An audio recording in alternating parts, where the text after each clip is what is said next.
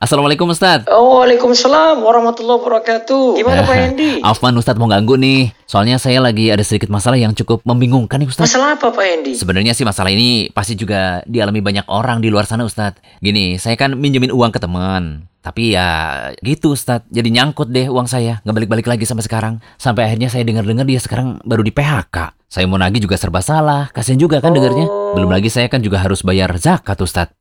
Eh tapi kalau zakat saya buat ngelunasin utang teman saya itu boleh nggak sih ya Ustadz? Jadi saya anggap utangnya dia lunas. Dan saya sendiri juga jadi nggak perlu ngeluarin uang lagi gitu. Gimana Ustadz kalau kayak gitu? Oh, jadi masalahnya adalah Pak Hendi punya piutang pada teman ya? Iya, saya minjemin duit ke teman saya. Ya sulit lunasi gitu ya? Iya, bilangnya sih gitu. Lalu sekarang ini lagi di PHK di masa pandemi kayak Iya gini. sih, sekarang emang lagi banyak banget karyawan yang di Terus Pak PHK. Hendi punya zakat. Iya, gitu. Nah, Ustadz. zakat ini tidak usah ditarik saja. Anggap saja utang teman tadi lunas gitu kan? Nah, iya gitu Ustadz. Begini Pak Hendi, saya sampaikan pendapat ini ya. Oke, oke. Menurut jumhur ulama mayoritas itu menyatakan membebaskan utang dengan niat menjadi zakat tidak dibolehkan. tidak dibolehkan. Baik yang berutang itu masih hidup atau sudah meninggal dunia. Oh gitu. Nah, walaupun hal ini memang ada beda pendapat. Kok saya baru tahu ya Ustadz? Sebentar, sebentar, sebentar. Oke, oke, oke. Saya sebut dulu ya pendapat Imam Nawawi yang kita sudah kenal pendapat-pendapat beliau. Ya, Pak Hendi juga mungkin sudah sering baca-baca karya beliau lah. Ya, nggak rajin-rajin baca juga sih.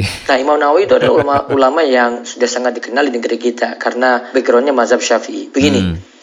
Imam Nawawi rahimahullah dalam kitabnya Al-Majmu, ini kitabnya sangat fenomenal dan kitabnya begitu banyak jilid ya. Dalam kitab tersebut beliau berkata seperti ini di jilid yang ke-6. Jika seorang memiliki utang pada seorang yang susah dalam melunasi utang, jadi dia memiliki utang ya pada yang lain ya atau memiliki piutang pada yang lainnya. Lantas ia ingin jadikan utang tersebut lunas dari zakat yang harus ia keluarkan. Ada dua pendapat nih.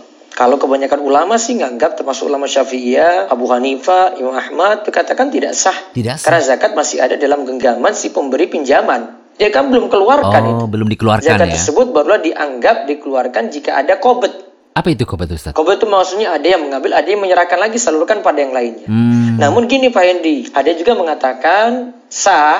Ini adalah pendapat Al Hasan Basri dan Hmm, Atta. berarti ada beda pendapat ya Ustadz. Ada pendapat Al Hasan Al Basri dan juga Atta yang menganggapnya sah. Tunggu dulu Pak Hendi, ada penjelasan Oke. bagus dari ulama Syafi'iyah belakangan nih. Ulama ini paling saya sukai dan jadi rujukan kalau lagi bahas fikih. Nah, bisa lihat tulisan-tulisan saya di rumesa.com lah tentang itu. Siapa tuh Ustadz? Nama beliau itu Profesor Dr. Muhammad Azwaili.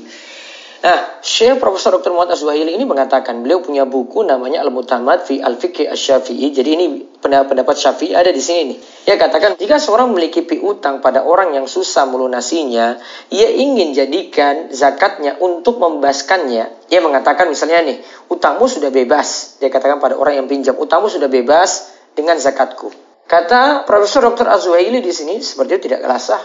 Tidak sah. Karena orang yang punya kewajiban mengeluarkan zakat masih memegang zakat tersebut. Zakat itu dianggap ditunaikan jika ada kobat, ada pengambilan, ada penyerahan. Yaitu ada disalurkan lagi. Hmm. Akan tapi boleh saja pihak yang berutang yaitu debitur mengatakan pada pemberi pinjaman atau kreditur serahkan zakatmu biar saya melunasi utang padamu. Nah jika seperti itu penunaian zakatnya sah karena sudah ada kobat. Oh, sah ya? Namun yang punya utang ini gak usah maksa-maksa. Wah, saya maksa-maksa.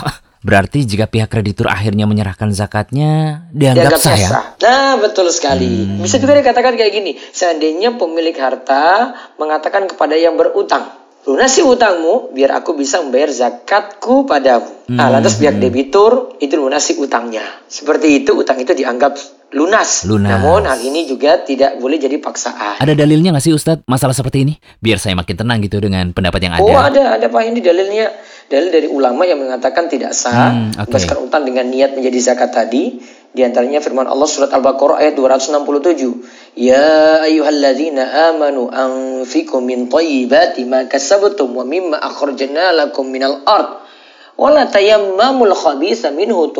Artinya dong Ustadz. Artinya ya, hai orang-orang yang beriman, nafkahkanlah di jalan Allah sebagian dari hasil usahamu yang baik-baik dan sebagian dari apa yang kami keluarkan dari bumi untuk kamu dan janganlah kamu milih yang buruk-buruk lalu kamu menafkahkan daripadanya. Jelas ya. Nih ayatnya. coba dengar perkataan Ibnu Taimiyah ini Pak Hendi tentang ayat tersebut ya.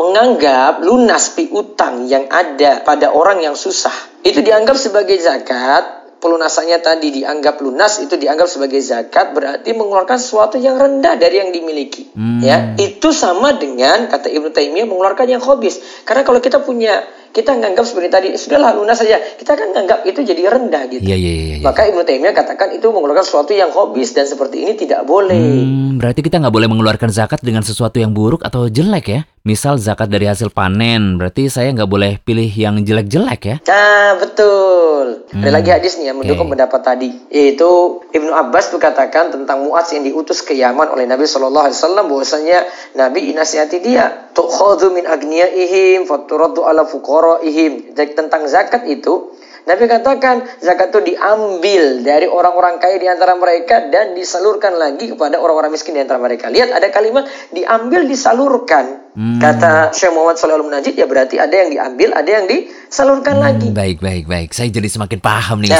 terakhir Pak sekarang.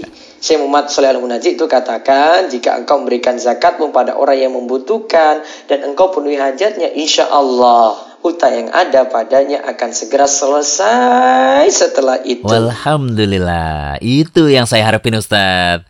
Soalnya kayak gitu kan bukan cuma dengan satu orang aja ya Ustadz, tapi dengan yang lainnya juga. Kalau udah masuk bab utang aja, gitu deh. Mereka suka pada kabur dan lupa bayar utang. Nah, Ah, sekarang yang penting Pak Hendi itu mau sabar tentang Wah, utang saya udah tadi. sabar banget, Ustaz. Ingat hadis ini ya, insya Allah menghibur banget. Oh iya, apa hadisnya Ustadz? Dari Abu Qatadah, Rasulullah SAW bersabda, "Man nafasa an gharimihi au maha anhu kana fi dhillil arsy yaumal qiyamah." Barang siapa memberi keringanan pada orang yang berutang padanya atau bahkan membebaskan utangnya, bukan hanya memberikan keringanan nih ya, Iya, iya, membebaskan utangnya, maka dia akan mendapatkan naungan arsy Masya Allah. Allah pada hari kiamat. Alhamdulillah, harapan kita semua itu. Oke, kalau gitu syukron ya Ustadz ya. Sekarang Ya. saya udah jadi lebih tenang nih dan dapat ilmu baru juga. Saya yakin sih banyak kaum muslimin di luar sana yang belum pada tahu nih Ustadz masalah seperti ini. Harusnya sih mereka sering-sering buka website rumaiso.com ya Ustadz ya, Nah, biar makin dapat sekali. banyak ilmu. Kan ada artikel tiap hari di situs web Rumah Iso. Heeh. Oke, gitu dulu Ustadz. Syukron. Semoga Allah terus menjaga antum dan ilmunya juga terus diberkahi. Wassalamualaikum. Ya, waalaikumsalam warahmatullahi wabarakatuh. Allah ibarik.